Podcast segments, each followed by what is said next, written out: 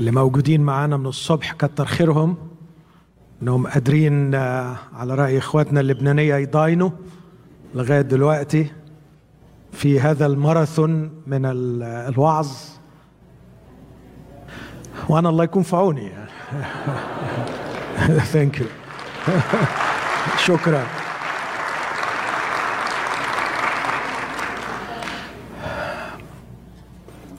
وإحنا بنتكلم عن النضوج الروحي احتاجنا إلى ما سميناه إطار مرجعي نقدر نفهم في نوره أو نقدر نحتكم إليه وإحنا بنوصف النضوج الروحي. وأعتقد إنه آه، كان الإطار هو قصد الله. في المسيح والكنيسة في الخليقة الجديدة. السر العظيم اللي الرسول كشفه واتكلم عنه في رسالة أفسس. فإحنا مش بنتكلم عن مؤمن يهودي لكن بنتكلم عن مؤمن مسيحي. آه، فبالتالي لما نيجي نكون رأي يا ترى هو ناضج ولا لا؟ وإذا كان ناضج ناضج قد إيه؟ محتاجين نعرف الخلفية محتاجين نعرف سنحتكم إلى إيه لكي نقيم هذا النضوج وكان المقياس أو الإطار المرجعي هو السر. وبعد كده اتكلمنا النهارده الصبح. خدنا خطوة لقدام بعد ما شفنا الخلفية. طب إحنا لو محتاجين ننضج نعمل إيه؟ محتاجين نصلي. ومحتاجين المواهب. وشفنا الرسول كيف يصلي. لماذا يصلي؟ من أجل من يصلي؟ ما هي القوة العاملة لاستجابة الصلاة؟ ما هو ضمان الاستجابة؟ كيف نصلي لكي نحصل على النضوج؟ فعلمنا في أفسس ثلاثة كيف نصلي وأرانا أيضا دور المواهب. ماذا تعمل من أجل نضوج المؤمنين؟ وأعتقد إنه في صلاته وفي تعليمه عن المواهب كشف لنا عن شكل الناضجين. من هم الناضجون؟ كيف أو بما يتميزوا شفناهم مثلا وهم يتغيروا إلى صورة المسيح إذ يحل المسيح في قلوبهم. شفناهم وهم متحدين مع إخوتهم وحدة كاملة. شفنا وحدانية الروح وشفنا أيضا وحدانية الإيمان. شفناهم إزاي مرتبطين معا لكي ما يتمموا قصد الله في هذا العالم كنور وملح للأرض. في الاجتماع الثالث حاولت أن أقترب إلى أكبر عائق من عوائق النضوج الروحي وهو أزمة الهوية.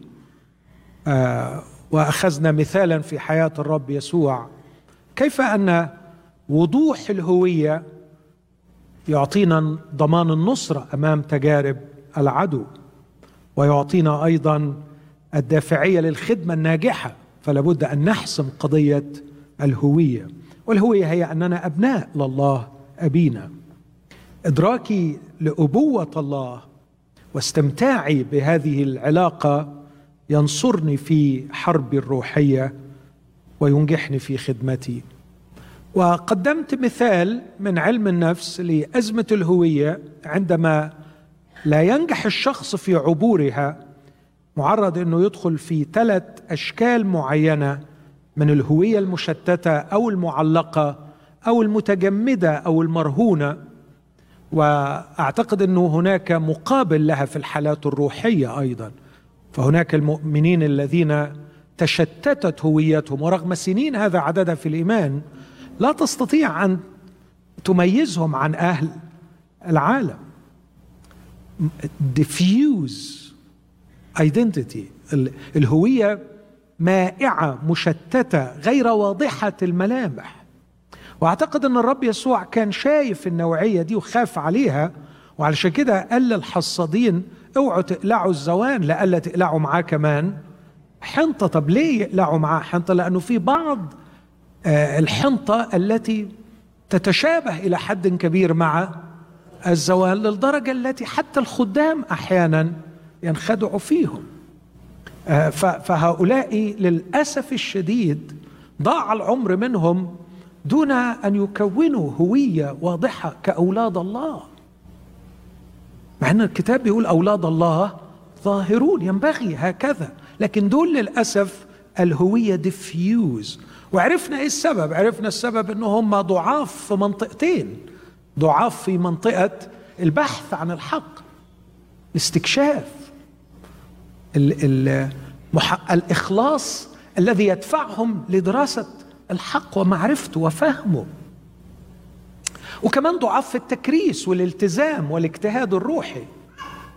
فبيستسهلوا الأمور. هؤلاء كسالى. وعلشان كده تظل شخصياتهم غير واضحة المعالم.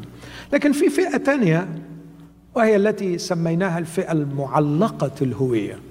دول اللي بيبحثوا وبيستكشفوا ومخلصين في الدراسة لكن ما عندهمش قوة في الإرادة لكي يلتزموا. موراتوريوم سماهم جيمس مارشيا في الناحيه النفسيه وفي الناحية الروحية. بنشوف النوعية دي خصوصا بين الشباب يدرس كثيرا ويقرأ كثيرا ويتنقل بين الطوائف ليعرف مختلف التعاليم ويقرأ مختلف الكتب والاتجاهات لكنه في النهاية لا ينقص الفهم لكن ينقص الالتزام. مش قادر يجتهد ومش قادر يلتزم. فايضا هويته كمسيحي غير واضحة المعالم. هناك فئة ثالثة للأسف الشديد هم أقوياء في الالتزام لكن ضعفاء جدا في البحث. هؤلاء صيدا سهلا للجماعات الدينية. هؤلاء يرهنوا هويتهم لطائفتهم فما عندوش منع ابدا إنه يعطي كل شيء للطائفة لأنها تهبوا هوية بدلا ما تكون هويته مأخوذة من الآب السماوي يأخذ هويته من كنيسته من طائفته ويتبنى تعليمها وعقائدها ومبادئها دون أي نوع من الفحص أو الدراسة. كسول عقليا وإن كان عنده استعداد أن يلتزم اراديا فملتزم جدا من ناحية الإرادة لكن معطل من ناحية البحث. أما النموذج الذي أراه سيعبر ازمه الهوية والوقت في صالحه لكي يحقق هوية ناضجة في المسيح. هم اللي عندهم الحماس للاستكشاف. هم اللي عندهم الجرأة للدراسة والفحص للمعتقدات المختلفة. وهم أيضا القادرين على الاجتهاد الروحي والالتزام بالتكريس الحقيقي للرب. أعتقد إنه ده رسم شوية قدامنا طريق النضوج. إذا أردنا أن ننضج علينا أن نقرأ علينا أن نبحث علينا أن نفكر علينا أن نسأل الله. آه، أخيرا أيها الإخوة كل ما هو حق. طب إزاي كل ما هو حق أفتكر فيه وأنا لم أدرس وأمامي بدائل مختلفة؟ محتاج أتعب شوية لكي أعرف ما هو الحق. لكن كمان بعد ما أعرف أي حاجة حق بولس يقول ما أدركناه فلنسلك بحسب ذلك القانون عينه ونفتكر ذلك عينه. اللي الرب اعلن لك أنه التزم به وعيشه مهما كانت المصاعب. في هذا الاجتماع أحاول ألمس معكم آه، موضوع النضوج من كتابات الرسول يوحنا في رسالته الأولى. آه، أعتقد أنه قدم نموذج ليس سهلا في فهمه كجزء في الكتاب كباقي الكتاب لكن أعتقد كما يعتقد كثير من المفسرين أنه كان يرسم هنا عائلة الله في ثلاث مراحل مختلفة من النضوج. فهنحاول نشوف كيف وصفهم يوحنا كيف وصف المراحل المختلفة في عائلة الله من النضوج من الأصغر إلى الأكبر. ثم ربما يشير إلى الوسيلة التي بها انتقلوا من مرحلة إلى مرحلة. ثم يقدم تحذير لكل مرحلة لكي ما لا تتعطل في التقدم نحو مزيد من النضوج. خلونا لو ما يتعبكمش ونقف مرة أخيرة مع بعض ومعرفش يمكن نصف يوقفكم بعد كده ده مش مسؤوليتي.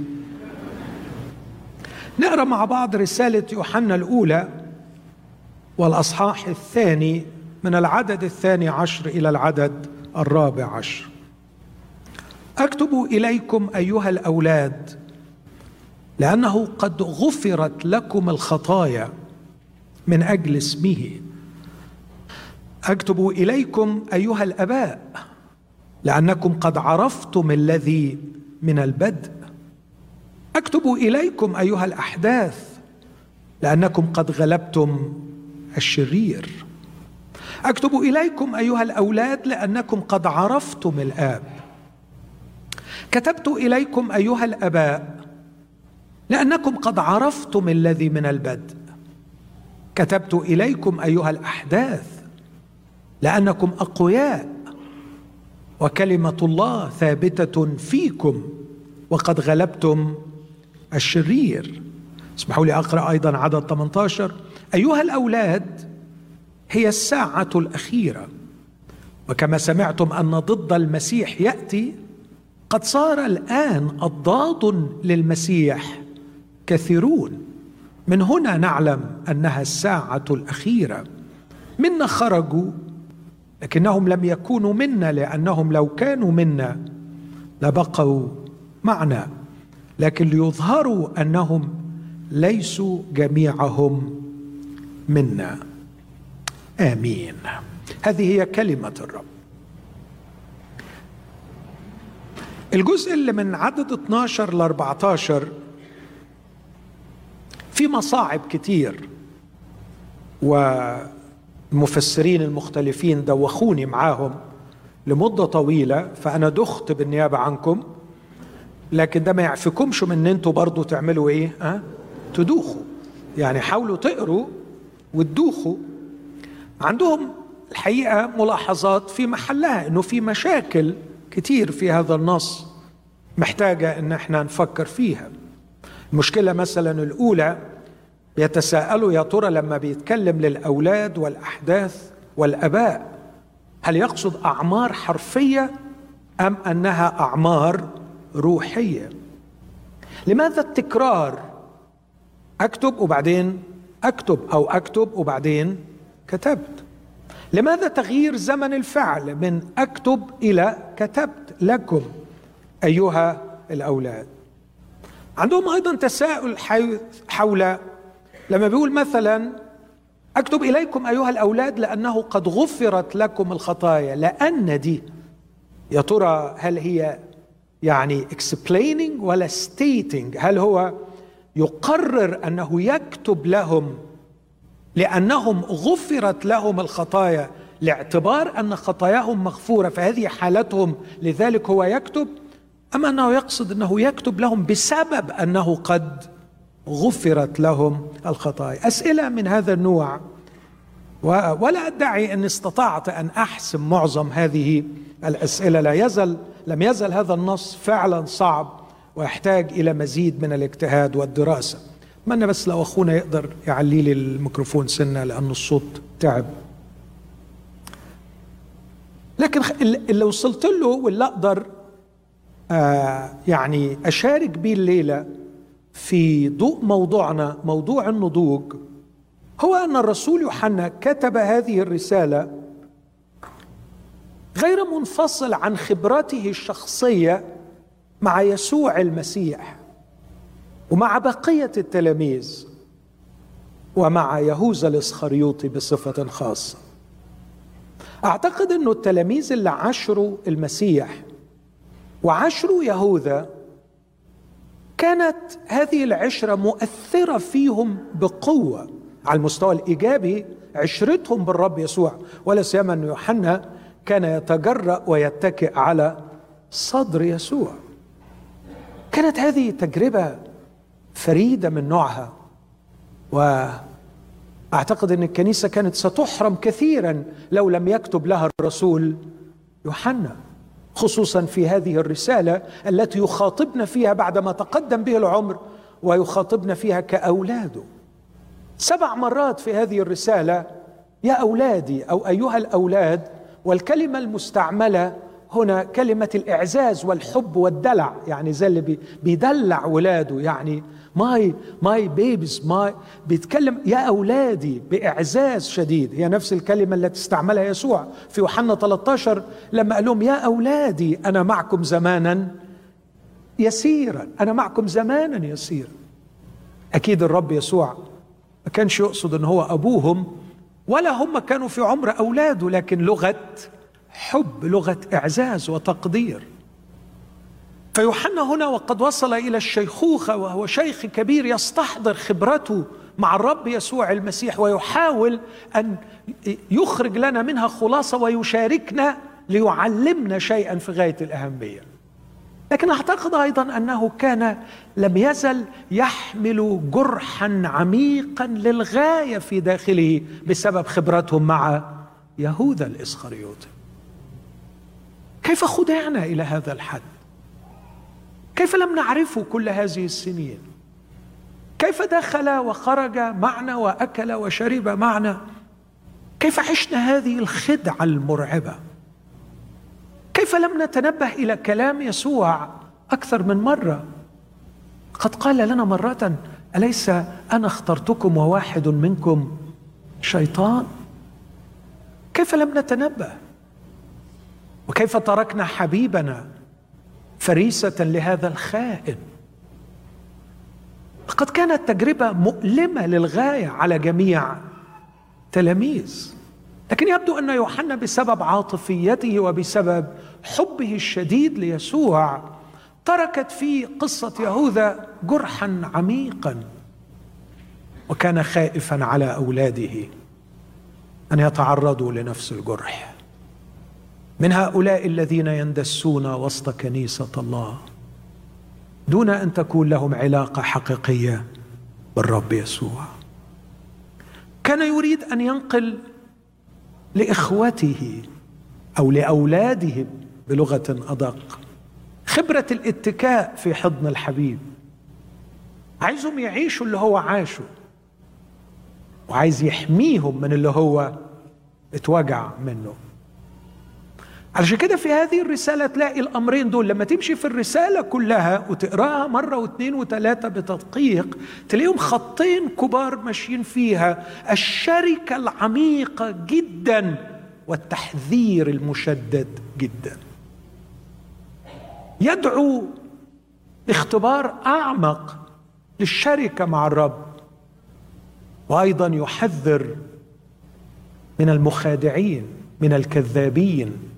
كذا مرة يتكلم عن الكذاب الذي يكذب فهو يكذب وليس فيه حق فهو في الظلمة والظلمة قد أعمت عينيه.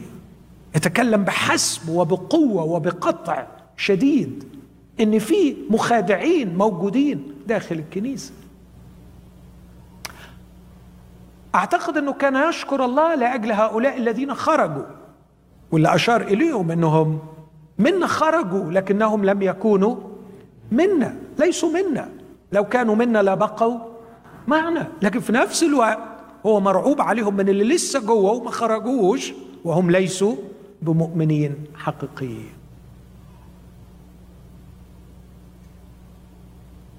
أعتقد إن الكنيسة في هذه الأيام محتاجة للأمرين دول. محتاجة إن إحنا نشجع بعضنا البعض على نوع أعمق من الشركة لأنه يبدو أن شركتنا في هذه الأيام إلى حد كبير شركة سطحية. تحولت شركتنا مع الرب إلى أشكال طقسية إلى أشكال روتينية قاتلة سواء شركتنا في البيوت أو في الكنائس. كأنه شيء منظم مرتب نعيد ونزيد ونعيد ونزيد. دون دون اندماج واعي. دون اندماج واعي. كثيرا ما شفاؤنا تردد ما لا نفكر فيه. وكثيرا ما تكون مشاعرنا منفصلة تماما عن ما نؤديه. كثيرا ما لا نفكر ماذا نفعل. لقد ضعفت شركتنا الحقيقية مع الرب. ولا, أتكلم عن شركتنا السطحية بعضنا مع بعض. أصبحت شركة سطحية للغاية. تذكر أنه في وقت من الأوقات فكرت أنا وأحد الأصدقاء نعمل تجربة لبعض المؤمنين.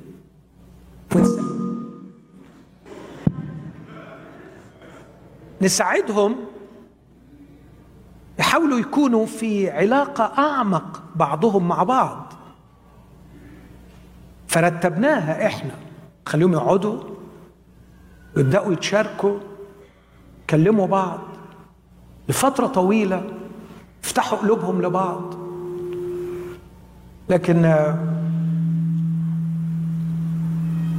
بعد فترة بيسألني إيه رأيك؟ قلت له هم الحقيقة بيتشاركوا but they don't connect. لأنهم لم يكونوا على استعداد أن يكونوا صادقين في هذه الشركة. هم بي بيمارسوا شكل من أشكال الشركة. فتشاركوا في أسرار لكن قلوبهم لم تتواصل. الله كتير بقول لم يوصل إلينا أفكار لكن اتصل بنا اتصل بنا. الله سكب روحه في داخلنا. الله دخل فينا ودعانا للدخول فيه. هذا النوع من الشركة العميقة غير موجود بيننا وبين بعض إلا في دوائر قليلة جدا. الشركة شكلية سطحية. ولهذا الكنيسة لا تنمو ومتعطل نضوج الكثيرين. لأن التصميم الإلهي أن النضوج للمؤمنين زي ما ذكرت في الصباح اليوم مصمم أنك لا تستطيع أن تنضج روحيا بمفردك. أنت تحتاج إلى شركة عميقة مع بقية المؤمنين مع بقية الجسد لأنه يحصل نمو الجسد مع بعضه أنت وأنت لوحدك على جنب ممكن تتقدم في بعض الأشياء لكن النضوج الروحي الحقيقي يستلزم ويحتم أو يتحتم لكي يحصل ارتباطك الوثيق ببقية أعضاء الجسد. رسالة يوحنا تتكلم كثيرا عن الشركة العميقة بصور مختلفة جميلة. وأيضا تقدم تحذيرات كثيرة. وعندما تكلم عن النضوج في مراحل ثلاثة كان أيضا يتكلم تحت هذا الإطار. يتكلم تحت إطار تنمية الشركة العميقة مع الرب ومع بعضنا البعض. وأيضا يتكلم في إطار التحذير. خلوني أتناول التحذير بسرعة وبعدين أنتقل إلى الشركة. أعتقد أنه في الأصحاح الأول وجزء من الأصحاح الثاني. تكلم عن يعني وان كريتيريون أو معيار لامتحان أصالة الإيمان عند الأشخاص. وأقدر أسميه الامتحان العلاقاتي امتحان الشركة. في الجزء الثاني من أصحاح اثنين قدم امتحان أخلاقي. في الجزء اللي قريناه مع بعض يقدم امتحان ثالث وهو امتحان النمو. فالشخص المؤمن الحقيقي كيف نعرفه؟ في الرسالة دي كرر كتير كلمة بهذا نعرف بهذا نعرف. لأنه خايف على أخواته من الخدعة اللي هو تعرض لها هو وبقية التلاميذ. كيف نعرف المؤمن الحقيقي في امتحان علاقاتي؟ لكن في أيضا امتحان أخلاقي. وأخيرا لو الشخص لا ينمو مطلقا هناك شك أنه مؤمن حقيقي. ومن هنا كان مضطرا أن يشرح مراحل النمو. الامتحان العلاقاتي تكلم عنه في الأصحاح الأول وهو بيقول إنه إن قلنا إن لنا شركه معه وسلكنا في الظلمة نكذب. ولسنا نعمل الحق. ولكن إن سلكنا في النور كما هو في النور فلنا شركه بعضنا مع بعض. ودم يسوع المسيح ابنه يطهرنا من كل خطية. لاحظوا؟ إن قلنا إن لنا شركه معه وسلكنا في الظلمة نعمل إيه؟ نكذب. في ناس كذابة. بيقولوا إنهم ليهم شركة مع الرب لكنهم كذابين بس نفسي نفهم الحتة دي بشكل مختلف شوية لأنه معظمنا بيفهم ان إن قلنا إن لنا شركه معه وسلكنا في الظلمة على طول كلمة الظلمة سلكنا في الظلمة بتتفهم على إنه قلنا إن لنا شركه معه وعملنا الخطيه صح؟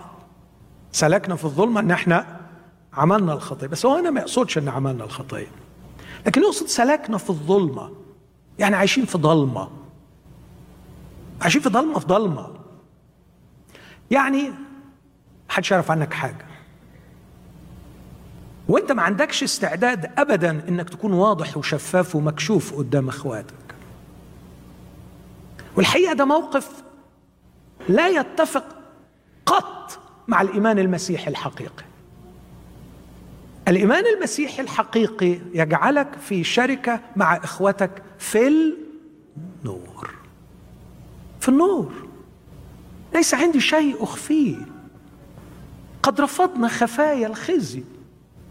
فعندما أتكلم مع إخوتي لا أخجل من أن أذكر ضعفاتي وأكشف نفسي. إخوتي يعرفون عني كل شيء. عارفين أصلي وفصلي ونقاط ضعفي ونقاط قوتي. مكشوف. كم يرعبني إنه في بعض الأشخاص مندمجين في الكنائس وفي الخدمة وعلى المنابر. وبسبب الشغلانة المتعبة اللي ربنا رزقني بيها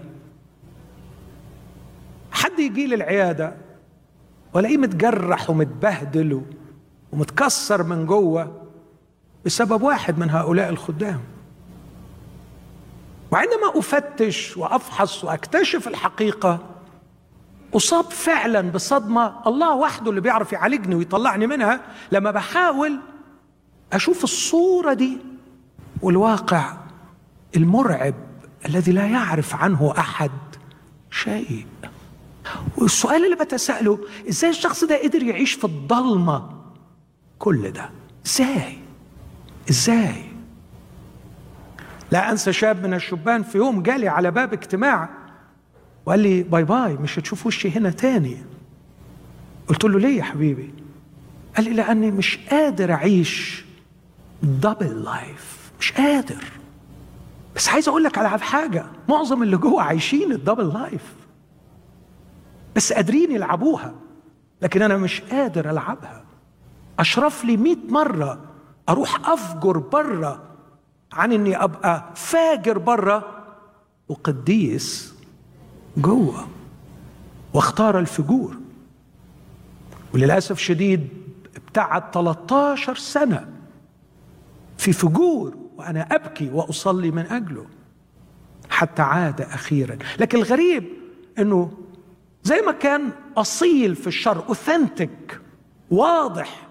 لما جه للرب بقي برضه واضح واوثنتك هذا هو الخبر الذي سمعناه منه أن الله نور وليس فيه ظلم البتة. فإن سلكنا في النور كما هو في النور يعني إيه سلكنا في النور؟ يعني في النور. لاحظ مش بيقول نسلك بحسب النور هنا. لاحظ مش بيقول إحنا ما نعملش حاجات غلط بيقول نسلك في ال... في النور.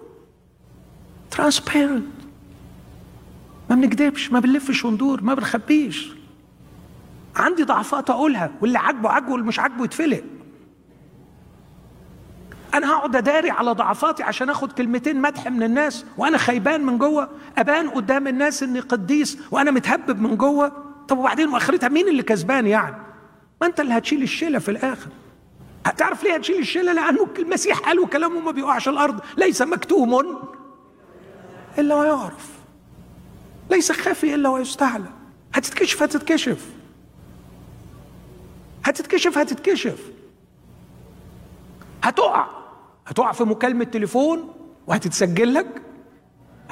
هتقع في عملة سودة وهتنتشر؟ هتقع. دي قواعد حطها ربنا. فالأفضل لك إنك تكون عايش في النور. بس اسمع الضمانة كمان. إن سلكنا في النور كما هو في النور هذا هو أعمق أساس لخلق أواصر الشركة بعضنا. مع بعض. تعرف أكتر حاجة تحببنا في بعض وتربطنا ببعض إن إحنا الاتنين نبقى عايشين في النور. مش إن أنا أعزمك وأنت تعزمني. عارفين هو ده الأسلوب. هي عزمتني في عيد ميلاد بنتها يبقى أنا لازم. وهي دي الشركة. هي دي الشركة. هو عزمني في فرح ابنه فأنا لازم اعزم الحقيقة ما قصرتش. هو عزمني أنا عزمته. هو ودني أنا وديته. هو نقطني أنا نقطته أو نقطته. ما أعرفش. ونقول هي دي الشركة. هي دي الشركة؟ لا. الشركة التي يتكلم عنها الكتاب هي شركة نابعة من الوجود في النور. تعرف جرب. جرب إنك تكون authentic جرب إنك تكون حقيقي واضح ما بتلبسش الوش البلاستيك ده اللي بتروح بيه الكنيسة ولا اللي بتقعد بيه قدام الناس. جرب إنك تكون authentic هتلاقي الناس تحبك. حتى لو انت وحش. صدقني. حتى لو كشفت ضعفاتك تلاقي الناس تحبك.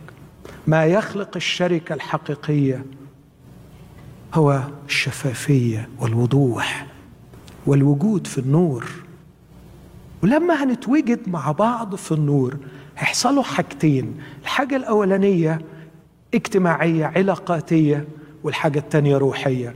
الحاجة العلاقاتية إنه تلقائيا تلاقي إن إحنا بدأنا نشبك ونربط بعضنا ببعض. فبيقول لاحظ إن سلكنا في النور كما كما هو في النور مش لنا شركة معه. واخدين بالكم؟ لما بيقولش لنا شركة معه لكن لنا شركة إيه؟ بعضنا مع بعض. وساعتها تبان أخطائنا وتبان عيوبنا بس ما تخافش. ما تخافش. تطلع وتتنظف تطلع وتتغسل أحسن مليون مرة ما تتحط تحت السجادة وتتكوم لا عيش في النور واكشف ضعفاتك. والآية دي لو عايز تترجمها صح البعض تساءل من حيث زمن الفعل في اليوناني. دم يسوع المسيح ابنه يطهرنا. هيطهرنا يعني هل ساعتها هنطلب التطهير ولا هو اوريدي طهرنا؟ فاحد الشراح قال لا هو هنا يتكلم أننا نعيش تحت مظلة هذا الدم الذي في طبيعته أنه يطهر. وده مثل جميل. قال دي عاملة زي ما بقول الصابون ينظف الفلين يطفو دم المسيح يطهر. إذا كنت قد أتيت تحت حماية هذا الدم وتعيش تحت غطاء هذا الدم أتيتم إلى دم رش يتكلم أفضل من هابيل ففعل التطهير فعل مستمر كامل على طول بس طلع الخبايا واكشف وما تخافش وخليك جريء وعيش أمين. عيش اوثنتك قد كده. أحسن من تبقى فيك قد كده. إذا سلكنا في النور كما هو في النور لنا شركه بعضنا مع بعض. ودم يسوع المسيح ابنه يطهرنا من كل خطية. هذا هو مقياس الشركة. ويكمل بعديها ويقول إنه غالبا لما بتبقى لينا شركه بعضنا مع بعض؟ بيقول على فكرة لو طلع واحد كده بيقول لا أنا ما عنديش خطية. إن قلنا أنه ليس لنا خطية نضل أنفسنا وليس الحق فينا. إن اعترفنا بخطايانا فهو أمين وعادل حتى يغفر لنا خطايانا ويطهرنا من كل اثم إن قلنا إننا لم نخطئ نجعله كاذبا وكلمته ليست فينا. عايز إيه تاني ضمانات لكي تكون شفافا اصيلا واضحا بدون لف ولا دوران ولا تخبية. لكن الكرايتيريون الثاني أو المعيار الثاني ليس معيار اجتماعي علاقاتي لكن معيار أخلاقي يقول في عدد ثلاثة من أصحاح اثنين. بهذا نعرف أننا قد عرفناه مش إن إحنا نسلك في النور لكن إن حفظنا وصاياه. اثنين عدد ثلاثة. إن حفظنا وصاياه. من قال قد عرفته وهو لا يحفظ وصاياه فهو كاذب وليس الحق فيه. وأما من حفظ كلمته فحقا في هذا قد تكملت محبة الله. بهذا نعرف أننا فيه. من قال إنه ثابت فيه ينبغي أنه كما سلك ذاك هكذا يسلك هو أيضا. معيار الطاعة لوصايا الرب. هل نطيع؟ هل نطيع الرب؟ وكلمة وصايا مش الليستة اللي عاملاها الكنيسة بتاعتك مع كل احترامي لكل الليستة اللي عاملاها الكنائس. لكن وصايا الرب دي حاجات بالمئات والآلاف ربما حاجة بينك وبين الرب. الرب بيدي لك 100 وصية في اليوم. طول ما انت في شركة معاه يقول لك ما تقولش دي قول دي اعمل دي ما تعملش دي. وصايا وصايا الرب من خلال أكيد الكلمة المقدسة تصيغ العقل وتهيئك لفهم وتمييز صوته لما يوصيك. حتى إنه هذا هو الدليل على أننا نحبه إن أحبني أحد يحفظ وصاياي. مش المقصود بها الوصايا العشر مش المقصود بها وصايا عظة الجبل؟ لكن أوسع من هذا بكثير. أن الرب يوصيك أن تفعل شيئا أو أن لا تفعله. وعندما نطيع الوصية نختبر اختبارات من أروع ما يكون.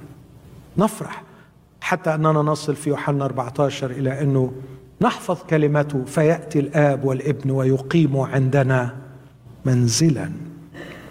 لكن يصل إلى الاختبار أو المعيار الثالث وهو ليس معيار اجتماعي أو علاقاتي لكن معيار النضوج معيار النمو. هل هذا الشخص ينمو؟ إذا كان الشخص مش مش واضح وغامض وله حياته السرية الخفية واخواته ما يعرفوش عنه أي حاجة في علامة استفهام كبيرة. النهارده الصبح جالي تليفون مزعج للغاية مزعج للغاية فعلا أرعبني. وأعتقد إنه إنه كلام حقيقي. فقلت للأخت اللي بتكلم قلت لها بصي أنا مصدوم ومش مصدوم. مش مصدوم لأنه أكثر من 30 سنة عمري ما استريحت لهذا الشخص. عمري ما استريحت له. دائما غامض دائما بعيد عن النور. لم تسترح له أحشائي قط. بس الحقيقة اللي مصدوم منه هو حجم الوقاحة حجم الفجر. ودي ناس بتخدم في كنايس. هناك غموض عندما تستشعر الغموض خاف. خلي بالك. الأمر الثاني عندما ترى العصيان لوصايا الرب عندما ترى عدم الطاعة عندما لا تجد بعد عشرة طويلة معك في الكنيسة أنه لا يوجد شيء يدل على أن هذا الشخص أخذ وصية من الرب ويتممها. ما بيعملش حاجة كده تحس هو بيعمل أحيانا المطلوب واللازم. هو الحقيقة ماشي على المطلوب واللازم لكن ما تحسش اطلاقا إنه بيعمل شيء هو وصية الرب له. أطاع فيه الرب. تقدرش تشوف حاجة زي كده. احذر من هذا الشخص. حتى ولو كان ماشي على الصراط المستقيم بتاع الطائفه خلي بالك. خلي بالك. لابد من خلال العلاقة والشركة تستشعر وترى وتختبر شيئا ما. تشعر أن هذا الشخص قد أطاع الرب. وده مش صعب أنك تلاقيه وتميزه. لكن المعيار الثالث أنك تراقب حياة هذا الشخص. وأنا بكلم هنا بالذات المسؤولين والقادة. وما تشوفش أي نوع من النضوج. وعشان كده يوحنا هنا راح كاتب لينا عن مستويات النضوج. لو الشخص زي ما هو تمر عليه 30 سنة 20 سنة 10 سنين وهو زي ما هو ما فيش أي نوع من التغير الأخلاقي أو التغير العلاقاتي أو التغير الفكري الروحي. ستاكننت هو هو. لا. لا انت تعرف المحبة ليه تلزمك انك تهزه وتقول له هو انت اختبرت الخلاص ولا لا؟ انت ليك علاقة بالرب ولا لا؟ اعتقد ان يوحنا كان لسه موجوع من مأساة يهوذا ولم ينسها مع السنين. وأنا اعتقد ان إحنا مجرمون في حق نفوس كثيرة. لدينا شكوك كثيرة من نحو صحة إيمانها لكننا حرصا على اعتبارات كثيرة. لا نتكلم بصدق ولا نحاول أن نسترجعهم قبل فوات الأوان. ليعطنا الرب هذه النعمة والشجاعة لأن المحبة الحقيقية أحيانا تؤلم لكنها لا تضر. ممكن توجعه لما تقول له راجع نفسك وراجع انت اختبرت المسيح مخلص ولا لا؟ ممكن تكون ارتبطت بالكنيسة لأنك محتاج لكوميونتي خصوصا في الهجرة هنا وفي الغربة. محتاج لمجتمع يجمعك وتسمع فيه عربي وتتكلم فيه عربي وتاخد فيه راحتك. وتاكل فيه ملوخية ورز.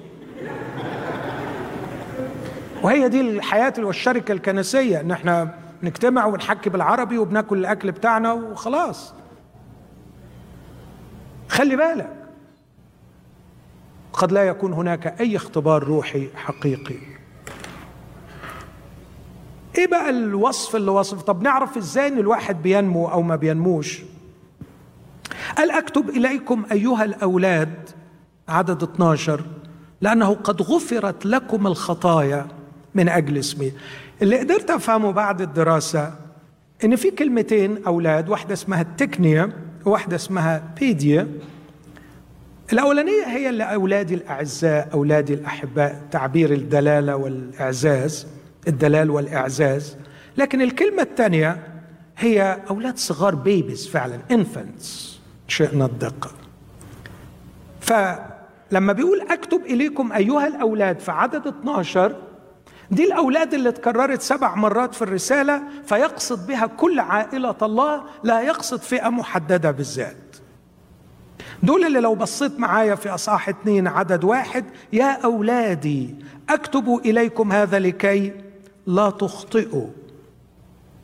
دي اللي جات في أصحاح نفس الأصحاح اللي إحنا فيه أصحاح اثنين عدد 28 والآن أيها الأولاد اثبتوا فيه حتى إذا أظهر يكون لنا ثقة ولا نخجل منه في مجيئه هي اللي جاءت في أصحاح ثلاثة عدد سبعة. أيها الأولاد لا يضلكم أحد.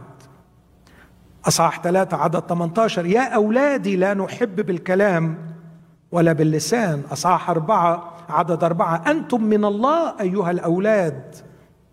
أصحاح خمسة جاءت في عدد واحد وعشرين. أيها الأولاد احفظوا أنفسكم من الأصنام. كل عائلة الله اسمهم هنا أولاد. والسمة العامة التي تميز كل أولاد الله لأنه قد غفرت لكم الخطايا من أجل اسمه. الرب يسوع له المجد وهو بيرسم العشاء. كان متأثر قوي باللي هو هيعمله لكن كان الشيء اللي معزيه إنه هذا هو دمي الذي يسفك من أجل مغفرة الخطايا. الأمر يستحق أني أموت.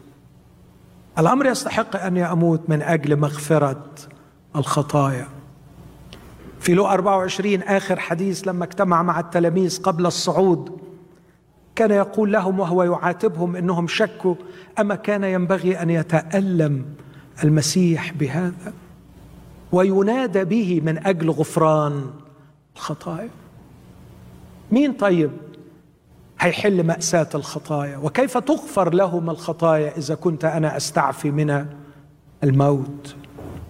عندما ظهر لبولس في سفر الأعمال أصحاح 22 قال له ما تخافش يا بولس لكن أنا أرسلك إلى الأمم لكي تكرز ولكي تنادي لهم ليرجعوا من ظلمات إلى نور ومن سلطان الشيطان إلى الله لكي ينالوا بالإيمان به غفران الخطايا ونصيبا مع المقدسين.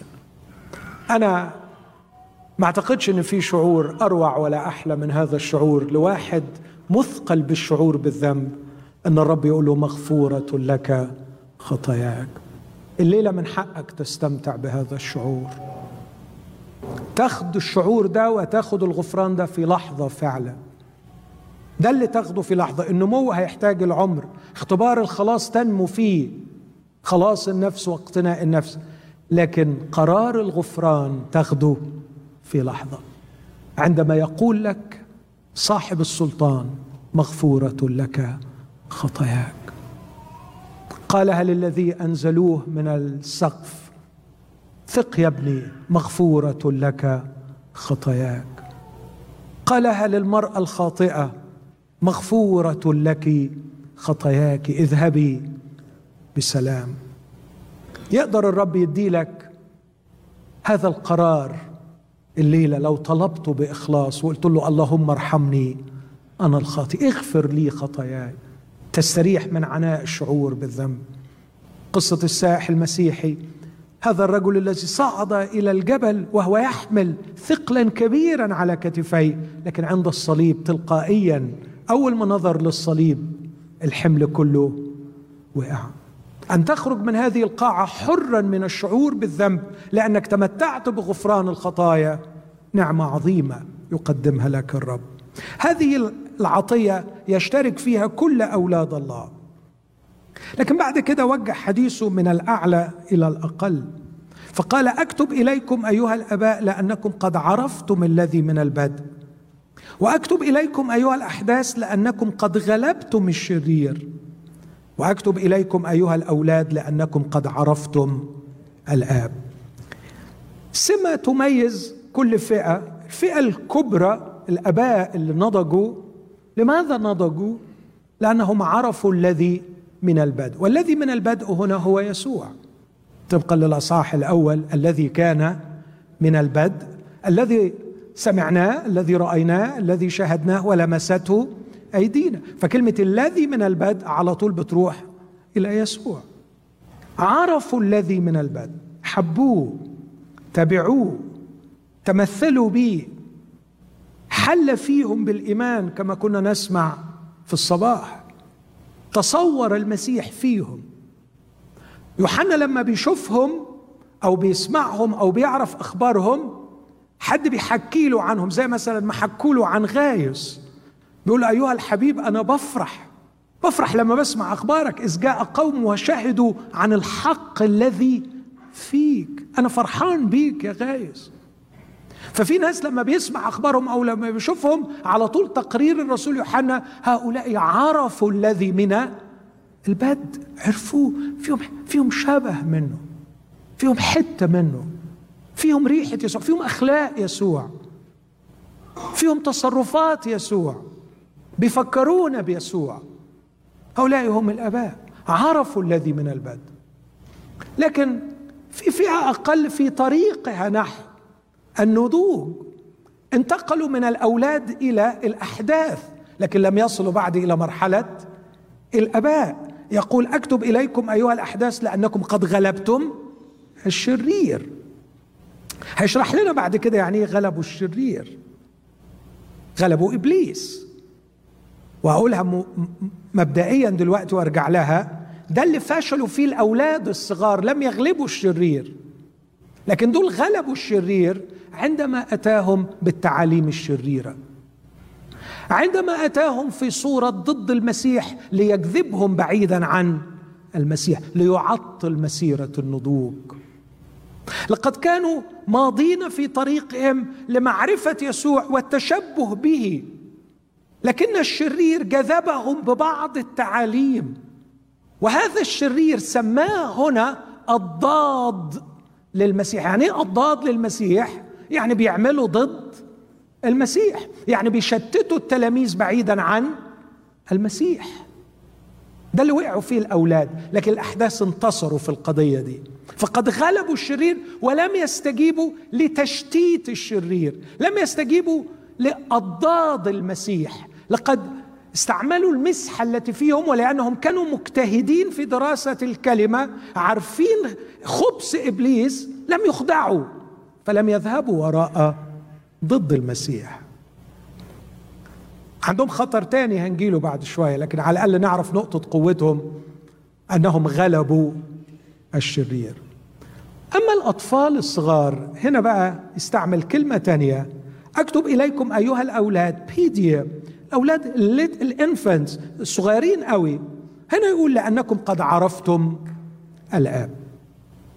عجيبة قوي الآباء عرفوا الذي من البدء لكن الأولاد الصغيرين عرفوا الآب. إيه بقى عرفوا الآب؟ عرفوا الآب أعتقد ممكن أفهمها من ناحيتين. الناحية الأولانية لقد تم اللقاء الرائع عند الباب. عندما سمع الراجع الضال سمع ابني هذا.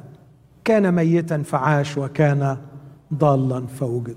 الولد جاي في دماغه في دماغه بس احتياجاته.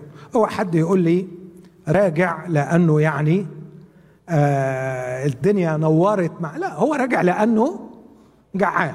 هو قال كم من أجير اللي أبي يفضل عنه الخبز وأنا أهلك. جوعا أقوم وأرجع إلى أبي وأشتغل خدام عنده هاكل. وأنا اللي يهمني بطني أنا عايز آكل. فده الأتيتيود بتاعه اللي رجع بيه.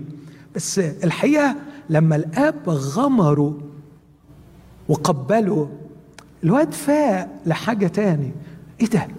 أبويا حلو قوي أبويا صالح أبويا جميل قوي. فابتدى عايز عايز يقول بقى يا أبي لست مستحقا أن أدعى لك ابنا لكن الآب. ما سابهوش حتى يكمل. وغفر له وعاد إلى البيت. بس المفروض إنه بعد ما عاد إلى البيت يبدأ سكة الشركة مع أبيه ليعرف فكر الآب ويتمم مشيئة الآب ويقوم بخدمة الآب وينمو في علاقته بالآب. ده المفروض. لكن من الممكن أن نفترض أن الشخص يتوقف عند حدود الحمد لله اديني رجعت وأبويا عمل إيه؟ وغفر. خلاص. هننهب. كفاية قوي وبعدين أبويا كريم قوي وهيسدد كل أعوازي.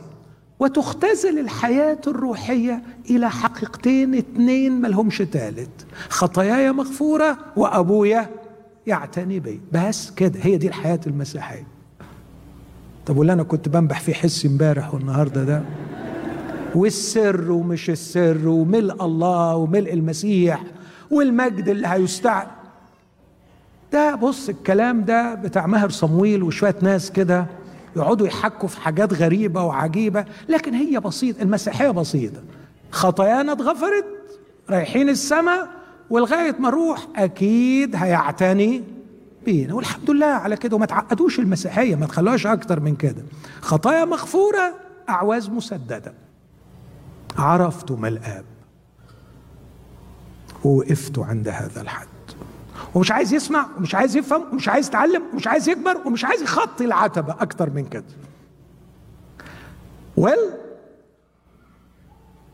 هو فعلا خطاياه مغفورة وفعلا الآب هيعتني بيه. بس عندي خبر مش حلو ليك هتبقى ملطشة لأضداد المسيح. وما أكثرهم. وما أكثرهم. وهتبقى رايح جاي يا حبيبي تعبان ومعرض لكل أنواع الخداع. أكتب إليكم أيها الأولاد لأنكم قد عرفتم الآب. لكن بعد كده يبدأ يفصل شوية. فقال كتبت إليكم أيها الأباء. بس ما زودش ولا حاجة ولا غير ولا حاجة لأنكم قد عرفتم الذي من البدء. بص أحبائي هو لكل فئة بيكتب عبارة يصفهم بها وبيكتب عبارة يعني يذكر السمة التي تميزهم ثم يكتب عبارة تشرح كيف وصلوا إلى هذه السمة ثم يكتب محذرا من خطر. عمل كده مع الأولاد ومع الأحداث وهوضح ده.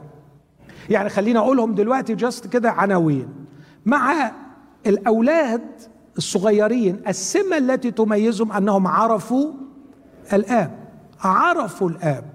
وأعتقد إنه عرفوا الآب بالارتباط مع غفران الخطايا عرفوا محبة الآب عندما غفر لهم. بس واقفين عند الحتة دي. الخطر اللي متعرض له هو ضد المسيح أو أضداد المسيح. وبيقول لهم سمعتم أن ضد المسيح يأتي شخصية مستقبلية لكن هنا دلوقتي في أضداد كثيرين المسيح. لهم نفس الروح أنهم يعملون ضد المسيح. الأحداث لا غلبوا الشرير اللي الولاد الصغيرين ما قدروش عليه. وإيه السبب؟ لأنهم أقوياء وكلمة الله ثابتة فيهم. بس إيه المع... الخطر اللي معرضين ليه محبة العالم؟ فأنتوا غلبتوا الشرير لكن لسه معرضين أنكم تحبوا العالم. وده برضو غير اللي إحنا بنفكر فيه. إحنا بنفكر دايما إن أقوى عدو هو إبليس. لكن ال... ال... الأحداث دول غلبوا الشرير لكن بيقول لهم لا تحبوا العالم. أنتوا في خطر إنكم تحبوا العالم. فواضح إنه تجربة محبة العالم أقوى من تجربة الشرير. طب الآباء بقى السمة التي تميزهم هي أنهم عرفوا الذي من البدء. كيف وصلوا إلى أن يعرفوا الذي من البدء؟ بأنهم عرفوا الذي من البدء. وما الذي يحميهم من أي خطر جديد؟ هو أنهم يعرفوا الذي من البدء. عندما يستحوذ يسوع على كل الكيان وتحب وتعشق وتنمو في معرفته فتعرف الذي من بدء انت اتفتح لك باب واسع وطريق وهتقعد طول عمرك تجري فيه مع بولس تقول لا اعرفه لا اعرفه لا اعرفه لا اعرفه كيف وصلت إنك تعرف الذي من البدء لأنك عرفت الذي من البدء أنت عايز تعرفه فبقيت بتعرفه وكل ما تعرفه عايز تعرفه لأنه عندك الأشواق أن تعرفه. وما الذي يحميك من أي خطر؟ هو أن تعرف الذي من البدء. طول ما أنت مثبت عينك عليه ومشغول بيه فيش حاجة هتعمل لك ديستراكشن لكن أرجع بسرعة لي الأحداث. كتبت إليكم أيها الأحداث لأنكم أقوياء وكلمة الله ثابتة فيكم وقد غلبتم الشرير. هو فوق قال لهم أنتوا غلبتوا الشرير. هنا بيقول ليه غلبوا الشرير؟ لأنهم أقوياء. إزاي بقوا أقوياء؟ إن كلمة الله ثابتة فيكم. الرب يسوع كان يتكلم عن حاجة تشبه كده في يوحنا 8 إن ثبتتم في كلامي. يوحنا هنا بيقول كلمة الله ثابتة فيكم. الرب يسوع قال في يوحنا 15 إن ثبتتم في كلامي وثبت كلامي فيكم. وكلمة ثبت في كتابات يوحنا سواء في الإنجيل أو الرسالة معناها سكنة. يعني تسكن في الكلمة والكلمة تسكن فيك. اقرأها كثيرا اقرأها كثيرا. الأسبوع الماضي تعرفت على واحد من أغنى أغنياء وول ستريت في نيويورك. راجل كبير قوي كان حاضر مؤتمر كنت موجود فيه. هو اللي عمل برنامج reading together reading the Bible together. إن إحنا نقرأ الكتاب.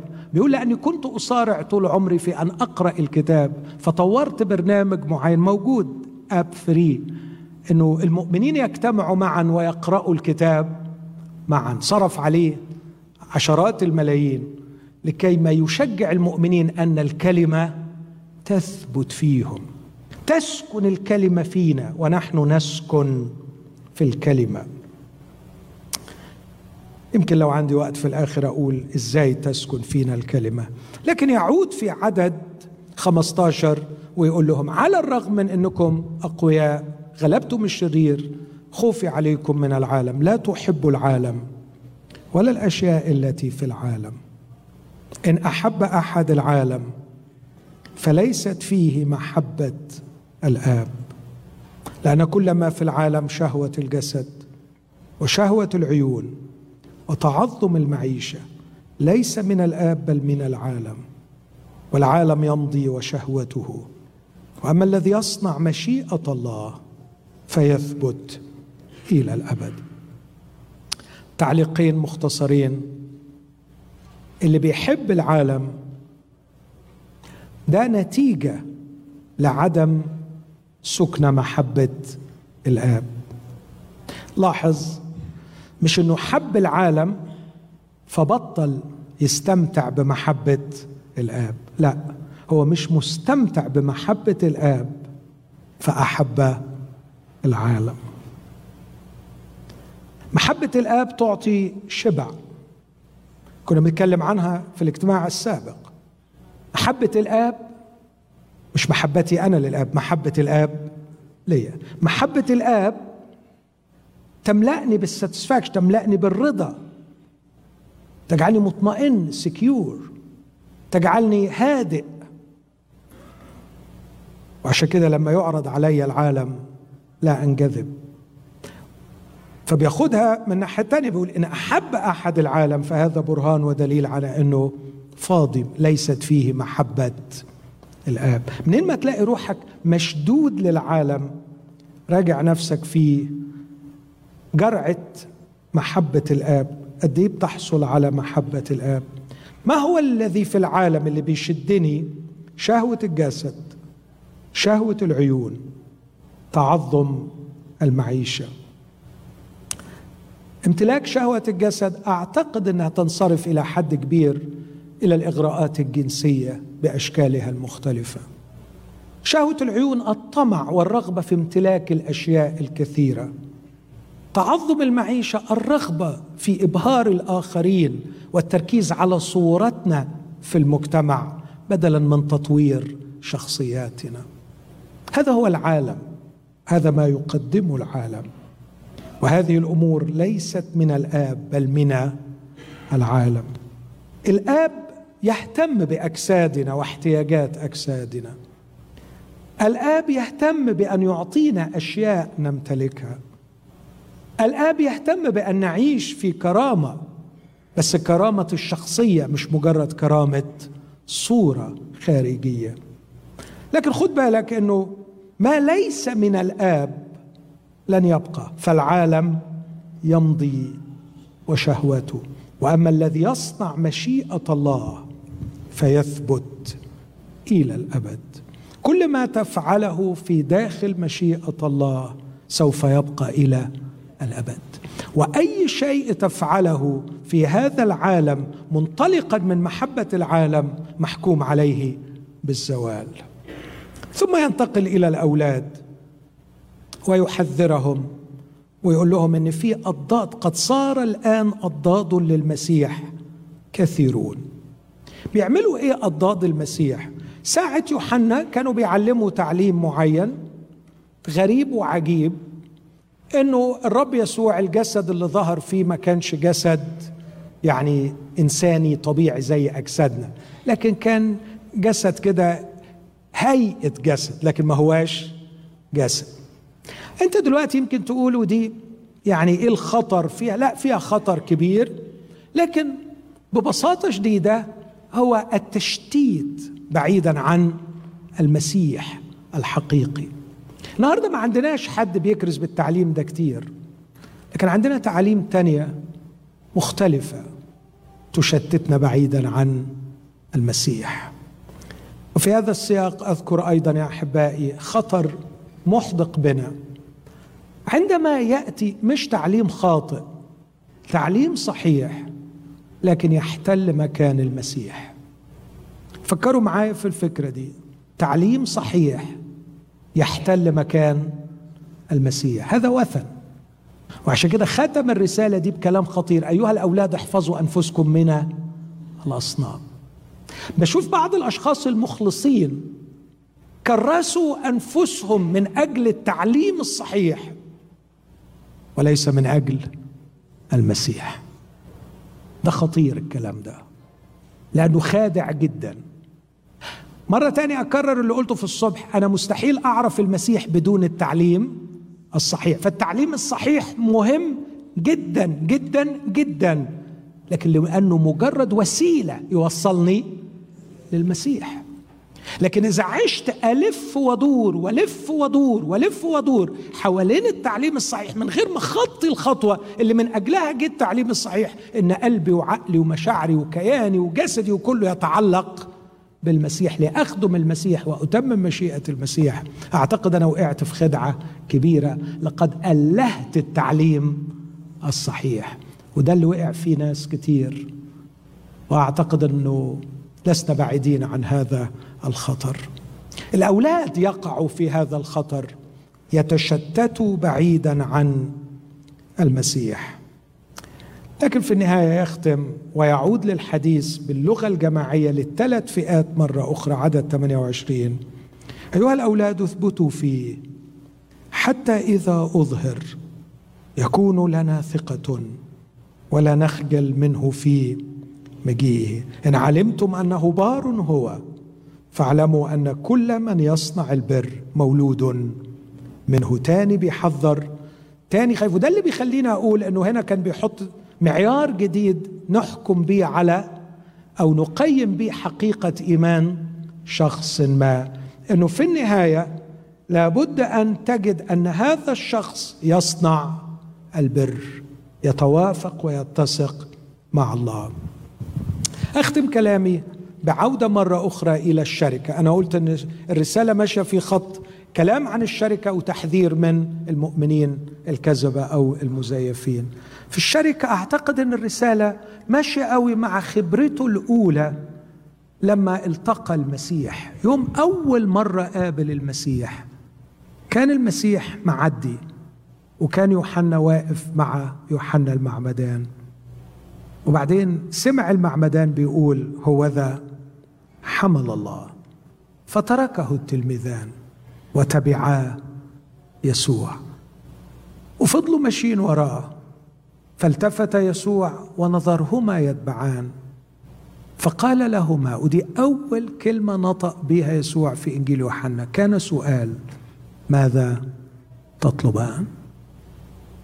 وكان الجواب جاهز عند الاثنين دول لا نطلب علما لا نطلب شفاء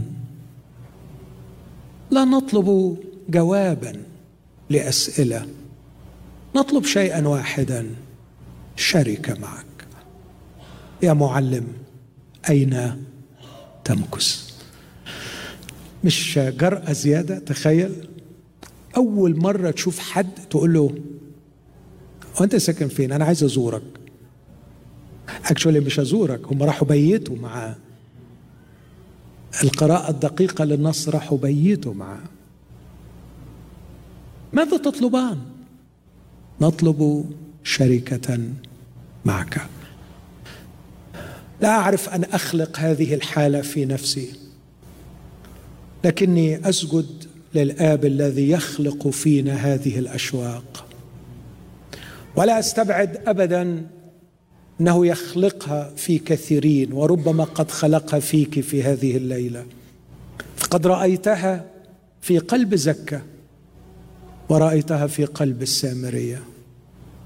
رايتها في قلب زكه عندما افتكرتني تصلحوا لي دلوقتي وأنا بخلص. خلقها في قلب زكه عندما طلب ان يرى يسوع. زكى زكا كان حلمه إن يسوع يزوره. بس ما قدرش يعبر عن هذا لكن كان عنده أشواق للشركة. كان عنده عطش للعلاقة مع الله. أول علامة أن الحياة دبت إنك تخلص من سم سدة النفس. في سم سدة النفس عن ربنا. يبدأ يبقى في عطش إلى الله عطش إلى الله. قالت له يا سيد أعطني من هذا الماء. أعطني أنا عطشانة. أنا عطشانة وفهمت على فكرة الرسالة إنه مية روحية. هذه الحالة البديعة التي كانت في التلميذين. أين تمكث؟ عطشانين إلى الله. أعطاني الرب فرصة الصيف الماضي أن أتحدث إلى واحد من الشخصيات المرموقة في مصر. بدأ الحديث قلت له هل توجد في حياتك بعض المعاملات التي لا يمكن تفسيرها بالأسباب الطبيعية؟ في أي خبرة عندك تقول إن اللي حصل معاك ده فوق طبيعي؟ ففكر شوية وحكى لي قصة غاية في الجمال. كيف أنه تصرف بأمانة شديدة للغاية في موقف معين فصنع الرب معه معجزة بكل المقاييس. قلت له على فكرة اللي بتقوله ده. أعتقد إنه أنا عارف إن ده مش التفسير الدقيق للآية بس حبيت إني فعلا أشجعه وأجذبه لمزيد من الحديث. قلت له اللي بتقوله حضرتك ده علم به السيد المسيح عندما قال طوبى للأنقياء القلب لأنهم يعاينون الله. لقد تصرفت بقلب نقي عملت بإخلاص وبأمانة فعاينت الله. واذ بي ارى هذا الشخص الكبير الموقر العظيم اللي تقيل. عيناه تمتلئ بالدموع. وبيقول لي جسمي أقشعر. هل أنا عاينت الله؟ هل أنا عاينت الله؟ قلت له أعتقد أنك عاينت الله. وكطفل صغير لقيته بيقول لي طب أنا عايز من ده أكتر. أنا عايز من ده أكتر. أنا عطشان لده أكتر. ولم أجد حرجا أن أقول له لا يوجد أمامك إلا وجه يسوع المسيح. إن شعرت بالعطش إلى الله لن يروي هذا العطش إلا يسوع المسيح. هل في حد الليلة شاعر بالعطش ده؟ تعبت وزهقت. هل في حد معاملات روح الله وصلته للحالة إنه برؤ من سم سدة النفس؟ من ربنا؟ ده سم مالي بدنك. وطول ما مالي بدنك مفيش خلاص. هل في حد وصل للمرحلة أنه يريد أن يرى يسوع؟ عايز يقول له أعطني من هذا الماء. عايز يقول له يا معلم أين تمكث؟ نفسي أعيش معاك نفسي أقرب منك. إذا كانت هذه الأشواق موجودة أرجوك تعال للرب الليلة. قبل ما تعود مرة أخرى إلى سم سدة النفس وتلاقي روحك تاني عمال تجري تعب من خرنوب تأكله الخنازير. تعال وادخل في علاقة وتمتع بغفران الخطايا ثم اترك روح الله يقودك من خطوة إلى خطوة. هرجع تاني وأصلي مع إخواتي دول. تفضل يا ناصف. لكن كمان حابب نقف مع بعض. وأوجه كلمة لإخوتي اللي وقفوا عند بركة غفران الخطايا وتسديد الأعواز. أنتوا مش عارفين قد إيه أنتوا خسرانين. في بركات كتير قوي. الآب السماوي ذخر لنا أكثر جدا من غفران الخطايا وتسديد الأعواز. أنتم معرضين لخداع العدو. يمكن ربنا حماك لغاية دلوقتي. لكن اوعى تنسى كلام الكتاب إبليس خصمكم كأسد زائر يقول ملتمسا من يبتلعه. تعال خذ موقف جديد من كلمة الله لكي تنتقل من طفل إلى حدث. اكتب إليكم أيها الأحداث أو كتبت إليكم لأنكم أقوياء. وكلمة الله ثابتة فيكم. وقد غلبتم الشرير. وإذا كنت تعاني من محبة العالم ما زالت الشهوات الجنسية تتلألأ أمام عينيك وتجذبك ما زالت تكتسي في عينيك وأمام قلبك بالوهم الكبير الذي ألبسها إياه إبليس. إذا كانت شهوة الطمع في الامتلاك لسه ليها بريق. أعرف أن هذا مؤشر أن محبة الآب ليست فيك. ناقصك جرعات من محبة الآب.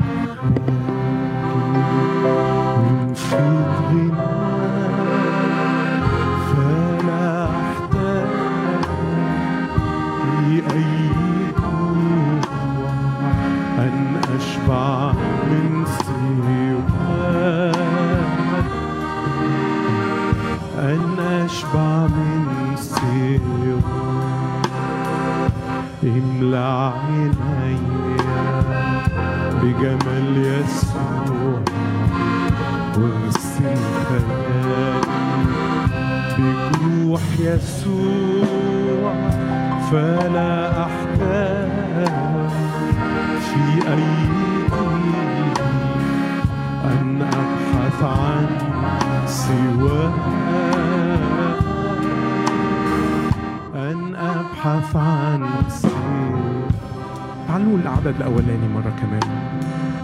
جوعني ليك واشبعني بيك اشبعني ربي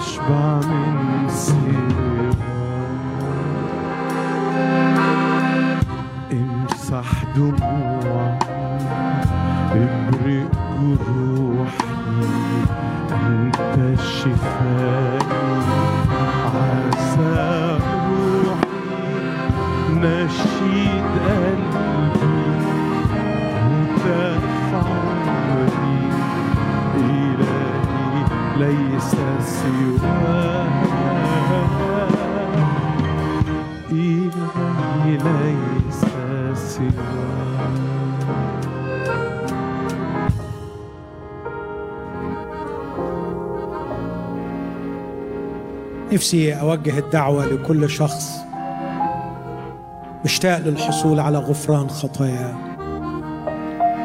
مشتاق الليلة إنه يبدأ علاقة مع المسيح يسوع المخلص.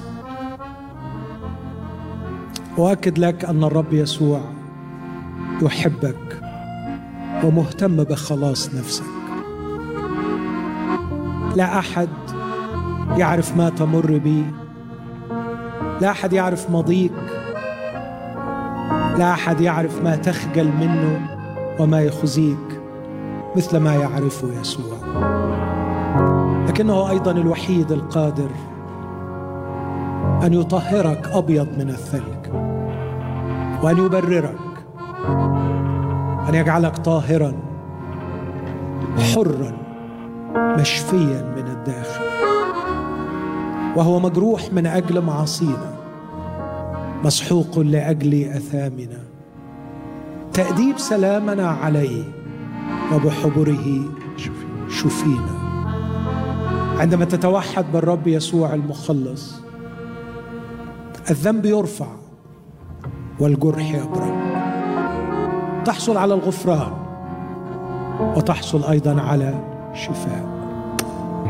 لا يمكن أن اتحادك بالمسيح يتركك كما كنت في الماضي. هذا هو الخلاص. لا أقول أن كل شيء سوف يتغير الليلة لكن هناك تغيير جذري سيحدث الليلة. سيتغير طريقك. وستبدأ رحلة مع المسيح. دخلت المكان ده بطولك بمفردك. تخرج معاك المسيح. هذا هو التغيير. ويبقى معك في رحلة العمر يخلص إلى التمام. غمض عينك وارفع قلبك.